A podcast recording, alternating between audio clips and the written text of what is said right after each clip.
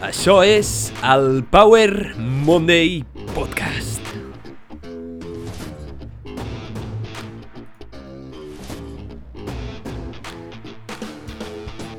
Benvinguts al Power Monday Podcast. Soc en Pau, el teu apassionat de fitness, inspiració i ciència. I en aquest podcast, cada setmana et porto un missatge, personatge, concepte o eina poderosa per ajudar-te a descobrir com desbloquejar la grandesa que tens dins teu i viure millor gràcies a la ciència, l'exploració i el coneixement. Estic molt agraït de que m'acompanyis avui i espero que aprenguis molt en aquest episodi. Som-hi!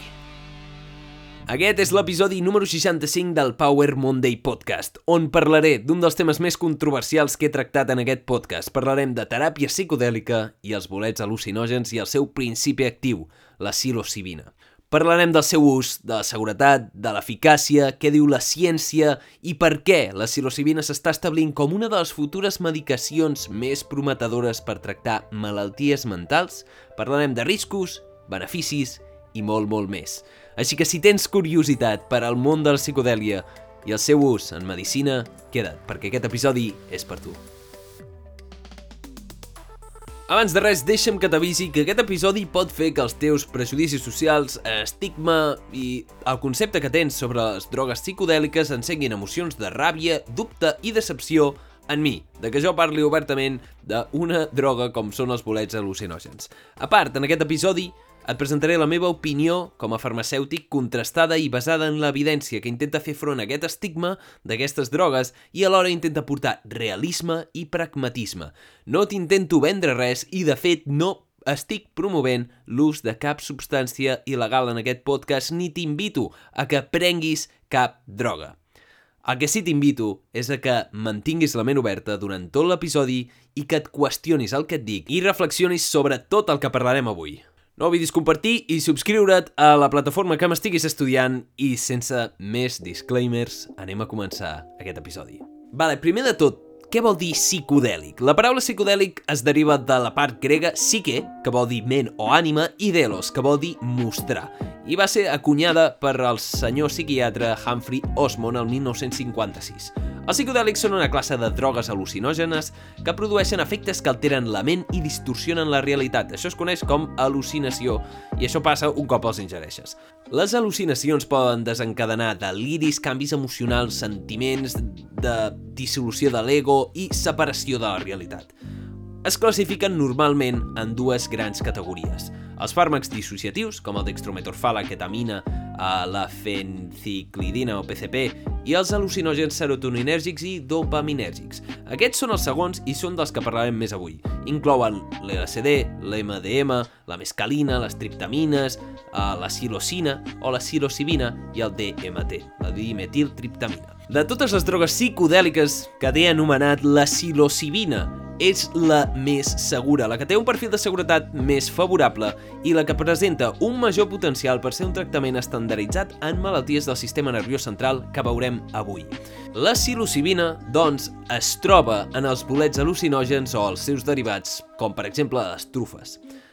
La psilocibina pot actuar per diferents mecanismes. El principal mecanisme d'acció que se sap ara mateix a nivell fisiològic és la unió als receptors serotoninèrgics 2A, aquests receptors, els serotoninèrgics 2A, els trobem a les neurones, en el cervell, i la psilocibina, però en concret la psilocina, que és el fàrmac actiu, podríem dir, o la molècula activa, a través de la barrera hematoencefàlica, va fins al cervell i s'uneix de manera agonista, és a dir, activant els receptors, com si fos la serotonina o d'una manera semblant a la serotonina, que és un dels neurotransmissors bàsics que tenim en el nostre cervell. Llavors, això desencadena totes les al·lucinacions, els canvis emocionals i tot el que veiem que produeix el consum d'aquestes substàncies. Es causa l'activació i supressió de certes àrees en el cervell i estructures neuronals. El més important que fan aquestes substàncies, com les substàncies psicodèliques, és que tendeixen a desactivar el que es coneix com a xarxa neuronal per defecte, o Default Mode Network. Aquesta xarxa neuronal es calcula que s'estableix entre 6 i 12 anys i s'estimula constantment en bucle, en loop, des de llavors i és un component essencial en la construcció de la nostra identitat i l'ego. En els nens aquesta xarxa no està activa encara i per això poden arribar a ser molt diferents als adults, però en els adults aquesta xarxa es va retroalimentant i s'estableix de manera predominant en els nostres pensaments, de manera que moltes malalties mentals s'estableixen i es deriven d'aquesta xarxa neuronal. Molts psicodèlics, i especialment la psilocibina, tenen la capacitat de suprimir aquesta xarxa i causen el que es coneix com la dilució de l'ego. Es desfà l'ego, es produeix una separació de la teva identitat i s'obté una sensació de que tot està unit i que formes part d'una cosa molt més gran que la teva limitada identitat. És un fet que es reprodueix una i una altra vegada. Aquesta sensació de que tota la naturalesa està entreconnectada, una sensació de que pots connectar amb un poder superior a tu i sobretot aquesta separació de la teva identitat i el teu ego que t'ajuda a veure les coses d'una manera com si fos una tercera persona tenen la capacitat d'alterar completament la teva perspectiva. A part d'això, sembla ser que estimula la formació de noves connexions neuronals i activa la neuroplasticitat, és a dir, tot i que encara s'està estudiant, tot indica que la psilocibina té la capacitat d'induir la formació de noves neurones. S'ha observat ja en ratolins i s'està observant en humans en diferents estudis.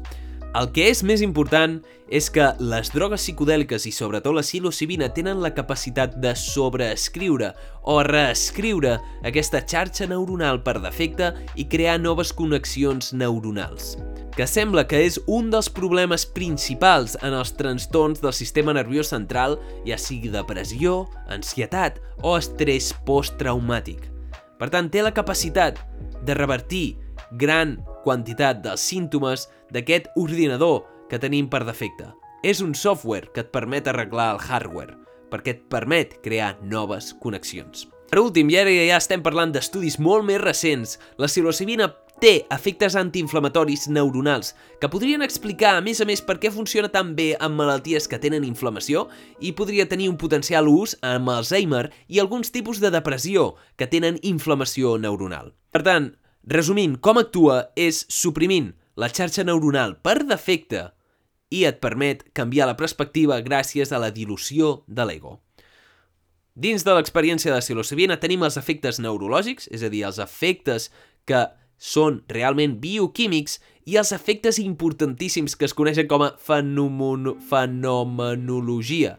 Fenomenologia, una paraula complicada que és bàsicament l'experiència que tens. Com una experiència psicodèlica et pot canviar completament la vida, perquè és una experiència molt intensa, que pot reescriure tota la xarxa neuronal que tens per defecte. Ara potser vindrà el que et costarà més d'entendre en aquest episodi o d'acceptar. I és que per molts l'estigma és molt prevalent, hi han molts prejudicis i la propaganda que s'ha promogut eh, per molts medis de comunicació encara és molt persistent. I el fet és el següent. Les drogues psicodèliques i en concret la psilocibina i els bolets al·lucinògens o relacionats són altament segures i presenten molts, molts, molt, molt, molt pocs efectes adversos i probablement molts menys que els antidepressius i alguns ansiolítics si s'utilitzen adequadament. De fet, a nivell d'efectes adversos i d'ús recreacional de drogues, és la que ha reportat menys efectes adversos en accés hospitalari, com va demostrar un estudi de fa un temps, és la droga més segura que existeix per al moment. Llavors, quan veurem més endavant, hi ha molts beneficis que s'observen en una sola dosis o com a molt dues. Per tant, la probabilitat de tenir efectes adversos a llarg termini és molt inferior a moltes drogues o medicaments, perquè bàsicament, simplement, te n'has de prendre una o dues vegades. És a dir, la dosis no és cada dia, no fa falta que te'l prenguis cada dia perquè és més aviat l'experiència psicodèlica el que té efecte, que canvia a llarg termini. Llavors, a part d'això, les substàncies psicodèliques no generen dependència. És a dir, és impossible mecanísticament tornar-se addicte als bolets al·lucinògens. Per, a nivell biològic, però, tot i això, l'experiència tot i reveladora i que pot reescriure la xarxa neuronal per defecte, no sol ser una experiència molt agradable que vulguis repetir immediatament. A més a més, es genera una tolerància elevada, per tant, si consumeixes bolets o psilocibina, l'endemà no tindrà el mateix efecte a la mateixa dosis, perquè hi haurà una tolerància a nivell de receptors. Tots els medicaments tenen efectes adversos i tendim a dir que la dosis fa el verí, és a dir, qualsevol cosa és potencialment verinosa si es pren en suficient dosis. Tot i això, amb la psilocibina no s'ha detectat una dosis letal per als humans encara i no hi ha cap cas reportat en tota la literatura científica de mort derivada per l'ús de substàncies psicodèliques, sobretot la psilocibina. Sí que hi ha alguna mort reportada relacionada amb el seu ús, però es deu més aviat a un mal context. Si prens substàncies psicodèliques i no estàs en un ambient controlat, un ambient segur, pot ser que acabis fent l'estúpid i creguis que pots volar o planejar i saltar per una finestra i morir. Però la droga en si no et causarà la mort, és mecanísticament impossible i, de moment, no s'han reportat casos, tot i que podria ser que tingués riscos a nivell cardiovascular. Per tant, tot i que t'he parlat molt bé de les substàncies psicodèliques, anem a veure els seus efectes adversos potencials i com poden afectar la teva salut. Hem de dir que hi han dos tipus d'efectes adversos amb les substàncies psicodèliques, sobretot la psilocibina i els bolets al·lucinògens dels que parlaré en aquest episodi. Són els efectes durant el trip, és a dir, durant el viatge, i els efectes a llarg termini. Durant el trip és molt comú experimentar pupil·les dilatades, mareig, falta de coordinació, nàusees, eufòria, distorsió de l'espai-temps, al·lucinacions visuals i auditives, paranoia, pànic i altres efectes com experimentar una espiritualitat profunda i un augment de la temperatura o freqüència cardíaca. Aquest és important perquè estaria contraindicat en aquelles persones que pateixen del cor o tenen risc de patir infart de miocardi. Els atacs de pànic reportats en el que es coneix com un bad trip o un mal viatge poden ser comuns, però es diu que només un de cada cinc dels viatges pot presentar-se com un bad trip. Tot i això, això no vol dir que no tingui efectes beneficiosos si s'utilitza adequadament. Encara que tinguis un bad trip, aquest bad trip et pot canviar realment la vida perquè normalment et fa enfrontar a problemes que són incòmodes per a la teva ment. I és que la dilució de l'ego no li agrada a l'ego, i l'ego t'intenta mantenir viu, i quan el dilueix, s'enfronta a coses que no li agrada. Llavors, per això és molt important estar en un ambient segur. I per acabar, tenim un risc, un efecte advers probable, tot i que encara s'hauria d'estudiar, que és que aquelles persones amb predisposició a esquizofrènia o a brots psicòtics haurien d'evitar el consum de substàncies psicodèliques perquè podria augmentar aquest efecte. Tot i això, està en estudi, però no ho recomanaria mai a qualsevol persona que tingui trastorns com l'esquizofrènia. Llavors, tenim una droga que té un potencial medicinal terapèutic increïble, que és barata, que és segura i que, si ho fas adequadament, amb una o dues dosis et pot canviar la vida. Potser ara et preguntis, coi Pau, i per què n'he sentit a parlar tan malament? Per què les van prohibir? Doncs anem a veure la història dels bolets al·lucinògens. Estesos per tot el món, en gran varietat d'ecosistemes, els bolets al·lucinògens s'han utilitzat com a mínim durant més de 6.000 anys en rituals religiosos. Per tant, abans del que el cristianisme, hi ha qui diu que l'ús d'aquestes substàncies va influir altament al desenvolupament de moltes religions. Però anem encara més enrere, perquè existeix una teoria que es coneix com la teoria del mico dopat. Aquesta teoria, proposada pels germans McKenna, ens explica que un dels possibles factors que va propiciar a l'exagerat desenvolupament cerebral de l'espècie humana va ser el consum de substàncies psicodèliques trobats en els bolets al·lucinògens. En aquesta hipòtesi, bàsicament ens suggereix que devem l'aparició del llenguatge, l'autoreflexió i el pensament abstracte a l'antic consum sostingut en el temps de bolets amb psilocibina. Se sap que la psilocibina, com deia, és capaç de promoure la formació de noves neurones i connexions neuronals. El consum prolongat podria haver ocasionat certs canvis epigenètics que potser es podrien heredar, tot i que està en qüestió, però sobretot jugar un paper important en el desenvolupament social i espiritual. Aquells que consumien bolets al·lucinògens eren probablement més hàbils a nivell social i això va fer augmentar la seva supervivència i també ens va otorgar un pensament abstracte que podria causar el desenvolupament de noves tecnologies i eines.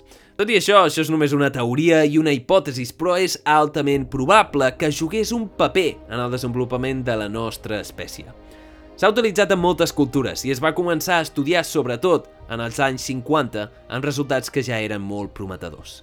Però en els anys 70, amb el boom del moviment hippie, el senyor Nixon, el president dels Estats Units, les va establir com a substàncies de categoria 4, altament perilloses i addictives, tot i que, científicament, això no és cert ni ho era en aquell moment. En aquell moment es van promoure missatges per controlar la població fent propaganda dels psicodèlics i aturant la recerca amb aquests medicaments degut a la seva il·legalitat. Es va vendre de que et podia donar psicosis permanent de per vida, que tenia molts riscos, molts efectes adversos i que podia afectar la teva vida i la vida de tota la societat era un gran enemic dels Estats Units i de l'ordre social. Per tant, es va prohibir, es va aturar completament la seva recerca, aturant línies prometedores terapèutiques que en aquell moment ja s'estaven estudiant.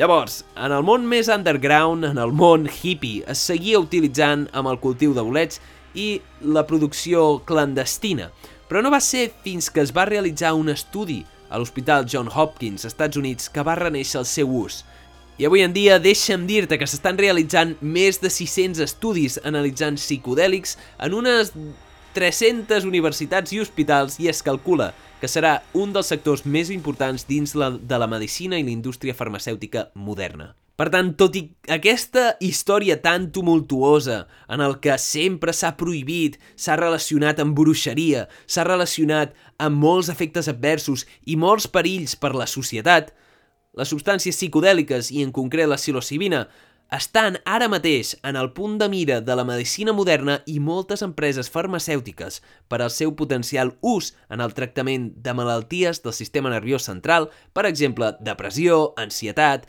i drogoaddicció i també en pacients de càncer terminal. Dit això, anem a veure els estudis. Què diu la ciència? Què diuen els estudis amb humans? Què diuen? Què observen? Ens podem perdre en la multitud d'estudis que s'estan publicant actualment sobre psilocibina i substàncies psicodèliques, però, sobretot, observem estudis preclínics, és a dir, en animals, i pocs estudis en humans.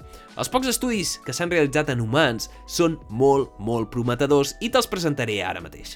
Per tant, anem a veure els principals usos terapèutics potencials que s'han demostrat aquests estudis preliminars.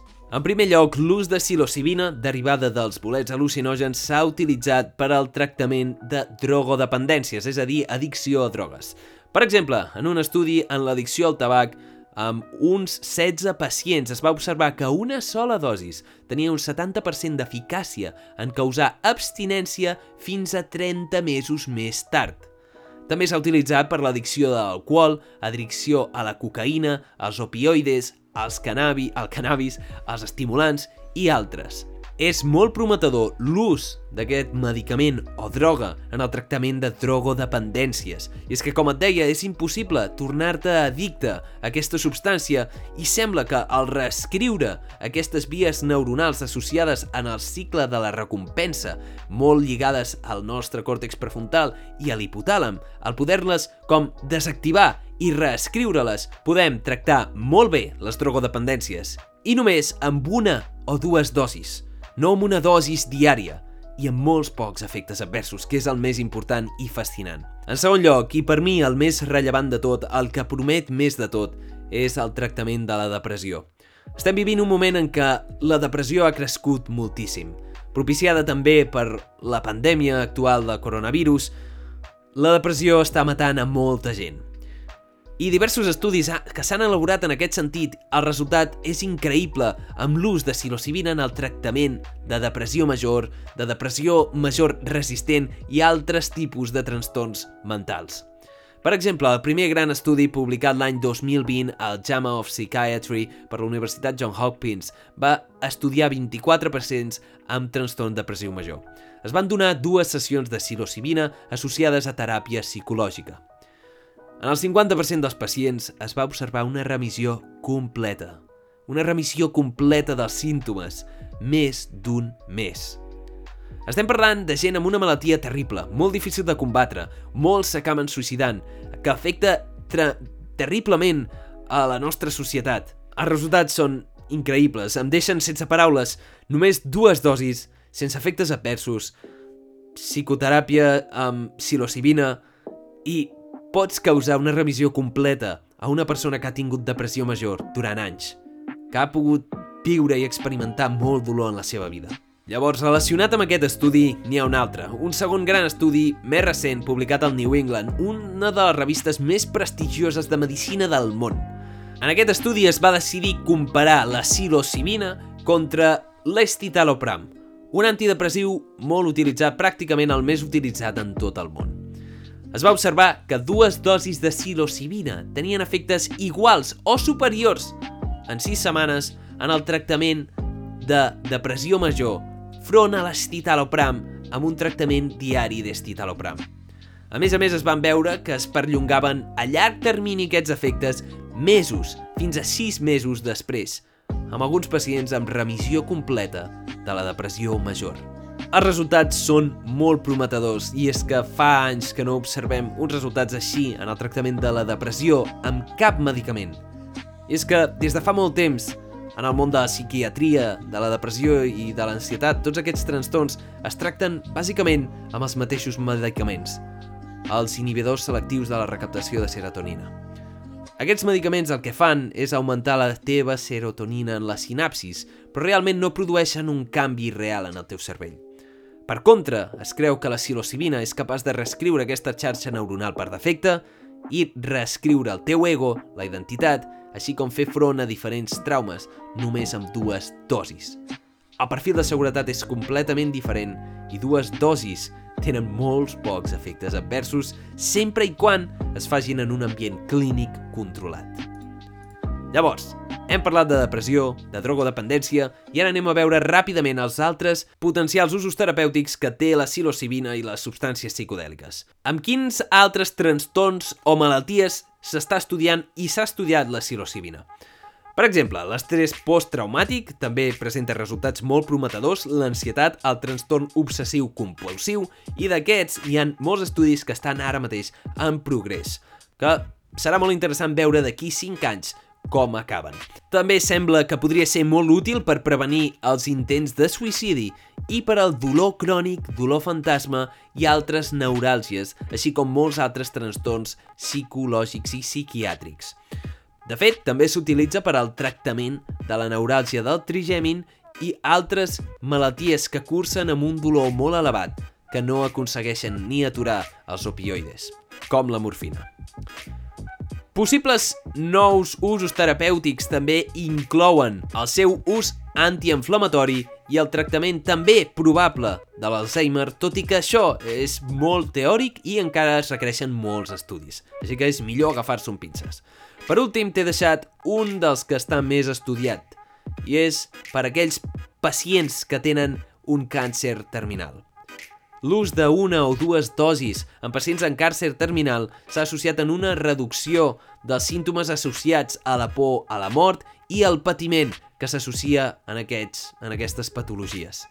De fet, va ser el primer estudi realitzat amb psilocibina en el tractament de pacients terminals i sembla ser que els ajuda moltíssim a fer front a la mort i a marxar d'aquesta vida en pau mental. Els resultats són increïbles i podríem estar tot el dia parlant de com s'ha utilitzat per tractar pacients terminals o pacients amb càncer que estan a punt de morir o que la seva vida està a punt de desaparèixer. I els resultats són fascinants, increïbles, i m'alegro molt que existeixi un medicament com aquest i espero que s'aprovi molt aviat per tractar aquestes condicions. Aquests estudis, tots els que he anomenat, la majoria són encara bastant preliminars i s'han de jutjat com a tal – però la seva seguretat i eficàcia estan cada vegada més validades en molts entorns científics.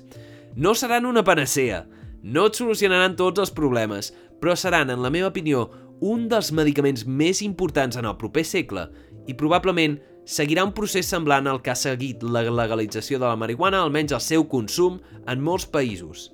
Estem en el ple renaixement de la teràpia psicodèlica i ens hem d'acostumar perquè ho veurem molt més sovint. Així que t'animo a trencar una mica aquest estigma. Sé que pot costar, perquè los drogotes són idiotes i s'associa al consum de drogues en gent hippie, amb gent estúpida i amb gent que no valora la seva vida. Això no vol dir que hagis de consumir bolets o hagis de comprar psilocibina al teu camell més proper. De fet, no estic aconsellant el seu ús recreatiu, però en l'ambient clínic això serà bastant més comú del que és ara i, de fet, s'està estudiant ara mateix a l'Hospital Clínic per al tractament de la depressió major. Aquí a Barcelona ja s'està utilitzant psilocibina per tractar persones amb depressió major. Tinc ganes de veure els resultats d'aquest estudi i de molts més estudis que estan en procés. Dit això, deixa'm fer un comentari que crec que és molt important. No incito el seu ús, però sé que amb els beneficis reportats, l'elevada seguretat i la possibilitat d'experimentar i realitzar introspecció i creixement personal que et pot canviar la vida o ajudar-te a millorar trastorns i ara mateix que s'estan popularitzant tant, molta gent tindrà curiositat i alguns provaran els bolets. Personalment, crec que no s'ha de criminalitzar l'ús de substància ni la divulgació de la informació relacionada. I per això, et faré un breu resum de com prendre adequadament aquesta droga per reduir els riscos i perquè puguis consumir de forma més segura o més conscient. Perquè sé que no podré evitar el consum, tot i que no l'estic aconsellant, que quedi molt clar. I que quedi clar que els resultats d'aquest estudi són en ambients clínics on es fa un bon set encètic amb dos psicòlegs com a mínim que t'acompanyen durant tot el viatge. Per cert, m'he deixat de mencionar que normalment aquest viatge dura entre 4 i 6 hores, el qual pot ser que no sigui la droga més còmoda de consumir. Llavors, per tal de que consumeixis de manera segura i conscient, deixa'm que et digui un parell de consells com a farmacèutic i com a bon amic, bon friend, Power Monday Podcast. Tens aquí els consells més importants a l'hora de consumir aquest tipus de droga o medicina. O alguns diuen que desperten el Déu que tens dins teu o que t'ajuden a connectar amb l'univers. Sigui com sigui, anem ràpidament als consells. El més important de tot a l'hora de prendre qualsevol droga o medicament és que s'ha de tenir en compte la dosis per cada individu. Recorda que qualsevol cosa és potencialment verinosa i depèn principalment de la dosis. En dosis elevades l'aigua pot ser mortal. Si veus més de 6 litres d'aigua pot ser que moris. Per tant, abans de consumir bolets o psilocibina, el més important és saber quina dosis et pertoca. La dosis que pertoca de bolets amb aquestes drogues és molt variable i s'ha de ser molt conscient del que s'està prenent. El principi actiu de la droga és la psilocibina i s'hauria de calcular això, tot i que els bolets al·lucinògens tenen altres substàncies psicoactives, però la psilocibina que es transforma en psilocina és el que ens importa de debò. No tots els bolets tenen la mateixa concentració a l'hora de prendre aquests bolets i també depèn si estan més o menys secs. Trobem bolets frescos o bolets secs, però cada espècie dins del gènere Silobices dels fongs presentarà una concentració diferent. En general, els de consum recreatiu tenen una proporció de l'1%. És a dir, en un gram de bolet sec trobarem 10 mil·ligrams de psilocibina. En 3,5 grams trobarem 35 mil·ligrams i en 5 grams trobaríem 50 mil·ligrams. A partir de 20 mil·ligrams, la dosi ja es començaria a considerar com a alta i no es recomana superar els 35 o 40 i si superes els 50 uh, l'has cagada, val? Faràs un viatge mental que aniràs a l'altra punta de l'univers i no t'ho recomano. No es recomana superar la dosis de 35 a 40 mg que vindrien a ser 3 o 4 grams de bolets secs. El més recomanable és començar amb una dosis baixa. No et recomano començar fort ni fer-te el valent perquè això només et perjudicarà a tu. Per tant, el consell principal és que si vols prendre o vols consumir bolets al·lucinògens o un amic teu o una persona que coneixes ho vol fer, informa't adequadament de la dosis, però que consti que jo no estic incitant al consum. Deixo una calculadora de dosis a la descripció perquè facis l'ús que tu creguis adient. Però parlant de dosis i principis actius, anem a per al segon punt, que és d'on extreus la droga? On la compres? Com la obtens? Perquè un dels problemes principals de les drogues il·legals és que són il·legals i això fa que el seu consum no sigui segur. Comprar o vendre bolets, eh, de moment, és il·legal a Espanya, almenys els al·lucinògens, tot i que es poden comprar trufes, que és la part escleròtica del bolet, tot i que no la recomano ni la desaconsello tampoc del tot, Um, això ja ho deixo a l'elecció de qualsevol persona que vulgui experimentar amb fins botànics, sempre. Fins botànics, eh? Sobretot. El que passa actualment amb les drogues a nivell del carrer és que estan molt susceptibles a ser adulterades. De fet, un estudi recent va analitzar diferents drogues i el seu ús en el carrer i la majoria estan adulterades, és a dir, contenen altres principis actius que se'ls hi ha afegit, a part del que tenen. Alguns adulterants estan associats en un augment significatiu del risc de sobredosis, mort i efectes adversos, o fins i tot enverinament agut, per exemple el fentanil i la cocaïna, l'heroïna, l'LSD i totes aquestes drogues s'adulteren de forma regular per fer-les més barates i per causar un viatge més potent. Un estudi el 1985 ja va demostrar aquest efecte, on es veia que la majoria de drogues estaven adulterades i també, fins i tot, els bolets màgics pot ser que estiguin contaminats i adulterats amb substàncies.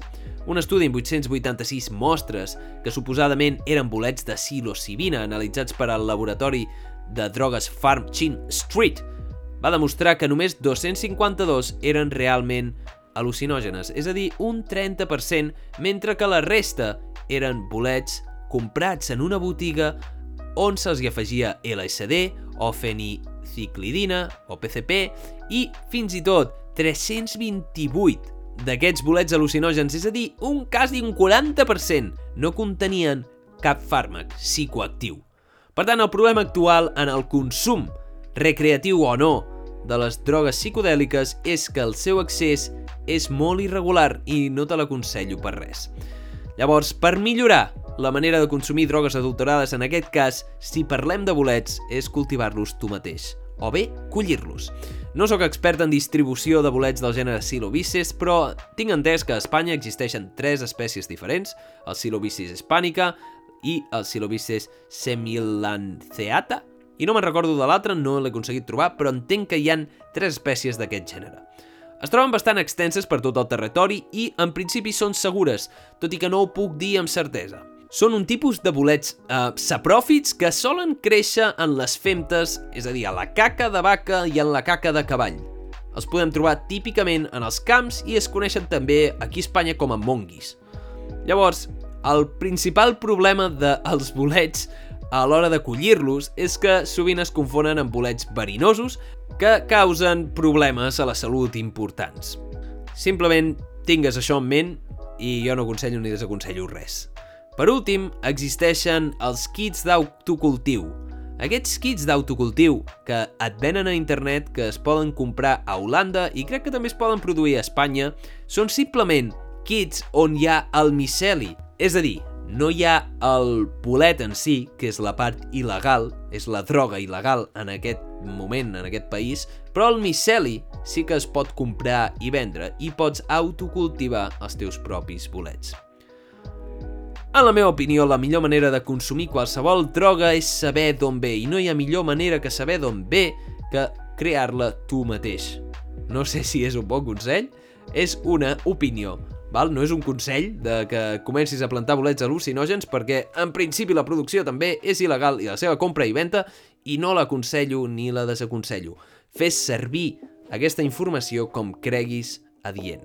I ara, per acabar, l'últim punt, però no menys important, és el que es coneix com a set and setting. I és molt important a l'hora de consumir qualsevol droga psicodèlica. Totes les drogues psicodèliques i la seva experiència, per tant, el resultat depèn de dos factors crucials, el set i el setting, és a dir, la mentalitat i el context. A alterar la nostra percepció, el context influeix moltíssim en l'experiència. I la nostra mentalitat, és a dir, les nostres expectatives en qualsevol viatge, també influeix moltíssim. En tots els estudis que s'han realitzat, sempre hi ha un ambient molt controlat, un ambient en el que destaca la calma i la tranquil·litat, un ambient on dos psicòlegs o un psicòleg que acompanya a qualsevol persona que estigui en el viatge normalment sempre van associats a l'ús de música tranquil·la que també té propietats psicodèliques i que magnifica l'experiència. Per tant, a l'hora de consumir qualsevol substància psicodèlica s'ha de tenir una mentalitat adequada i un bon context. Un context segur, un context en el que no hi hagi ansietat, en el que no hi hagi perills, en el que no puguis fer mal a tu o als altres, i sempre que hi hagi una persona que estigui serena, que pugui vigilar la persona, que pugui reconduir una situació si la situació se'n va de les mans, cosa que no sol ser el cas estadísticament, però coses més rares s'han vist. Així que aquests són els consells principals, dosis, vigilar amb les adulteracions, existeix la possibilitat de recol·lectar o cultivar el teu propi eh, material i, per últim, el set and setting, mantenir un bon context i una bona mentalitat. Personalment, crec que aquesta droga o aquest medicament no és un bon medicament recreacional. No sol ser una molt bona experiència, tot i que és una experiència molt positiva per al que s'observen en els estudis. És a dir, no és una bona experiència en el sentit que la dilució de l'ego, aquesta sensació de desconnexió de l'univers, aquestes revelacions intrapersonals i la reflexió autocrítica pot arribar a ser molt dura i pot cursar amb atacs de pànic, amb malestar i amb bad trip. Un 20% dels viatges són bad trip. És a dir, és una experiència que no pot ser còmoda, però pot ser molt positiva per millorar el teu estat psicològic. També, si es fa malament, et pot perjudicar moltíssim, perquè sobreescriure la teva xarxa neuronal per defecte, si es fa bé, sobretot en un ambient clínic, associat amb un psicòleg o amb un xaman, amb una persona experta en un viatge, et pot ajudar moltíssim, però si es fa malament, amb un mal context, amb una mala mentalitat, et pot causar un efecte contrari. La pregunta ara és, què n'opines tu? Què penses sobre les substàncies psicodèliques? Creus que són realment tan dolentes com s'ha promogut en els últims 50 anys? Creus que s'haurien d'estudiar més? Creus que tenen potencial terapèutic? Creus que s'haurien de legalitzar? Resumint, la meva opinió és la següent. Els bolets al·lucinògens, i en concret la psilocibina, si s'utilitzen adequadament en un ambient clínic amb un professional, sobretot, són un dels medicaments que tenen més potencial en el futur del tractament de malalties del sistema nerviós central, així com trastorns psicològics. Els veurem cada vegada més per la seva alta seguretat i eficàcia, on una o dues dosis poden canviar per complet la teva vida. Estic segur que en els propers anys a nivell particular el seu ús augmentarà dràsticament – però s'ha de recordar que s'ha d'utilitzar amb un bon set and setting, és a dir, amb un bon mindset i ambient, i s'ha d'utilitzar la dosis adequada i lluitar per fer front a l'adulteració de les drogues i consumir de manera responsable, perquè la gent la consumirà de la mateixa manera. S'està popularitzant molt perquè estem, de fet, vivint el renaixement de la psicodèlia. I això és tot per aquest episodi. Moltíssimes gràcies per haver escoltat aquest episodi. Espero que t'hagi agradat molt o t'hagi aportat una mica de valor. Recorda, si us plau, si t'ha agradat aquest episodi, comparteix-lo amb alguna persona que creguis que el pot ajudar a obrir una mica la ment a aquesta informació, accedir una mica més de coneixement i compartir el missatge dels Power Monday Podcast em faràs molt feliç i t'ho agrairé moltíssim. Et recordo que em pots trobar a Instagram a Power Monday Show, em pots trobar a Spotify, Google Podcast, Anchor, em pots trobar a moltes plataformes de podcast i em pots trobar també a iVox on em pots deixar una review. Ara també estic a la Xeta, una web de micromecenatge tipus Patreon on pots donar suport a projectes com el meu en català. Com sempre, tinc preguntes per tu. Què en penses? Què n'opines? Uh, T'agraden les substàncies psicodèliques? No t'agraden? Creus que s'haurien de prohibir? Creus que s'haurien de promoure tot arreu? Quina és la teva opinió? Iniciem el diàleg pots trobar Power Monday Show a Instagram. Per acabar, et desitjo una setmana èpica, plena de creixement personal i que trobis la pau interior. Moltíssimes gràcies per estar a l'altra banda d'aquest episodi, escoltant, i ens veiem com sempre en el pròxim episodi. Ciao! Hòstia, tu, aquest en Pau, aquest en Pau sembla que recomani directament l'ús de bolets al·lucinògens. Què li passa, tu? Quin drogota, no? Quin drogota, tio, Pau. que consti que en aquest podcast no promoc l'ús de substàncies il·legals, il·lícites, prohibides, ni l'ús recreacional, ni l'ús ni comerç de drogues. Simplement comparteixo informació basada en l'evidència i la meva opinió contrastada com a graduat en farmàcia. Moltíssimes gràcies i ciao. y consulte con su farmacéutico.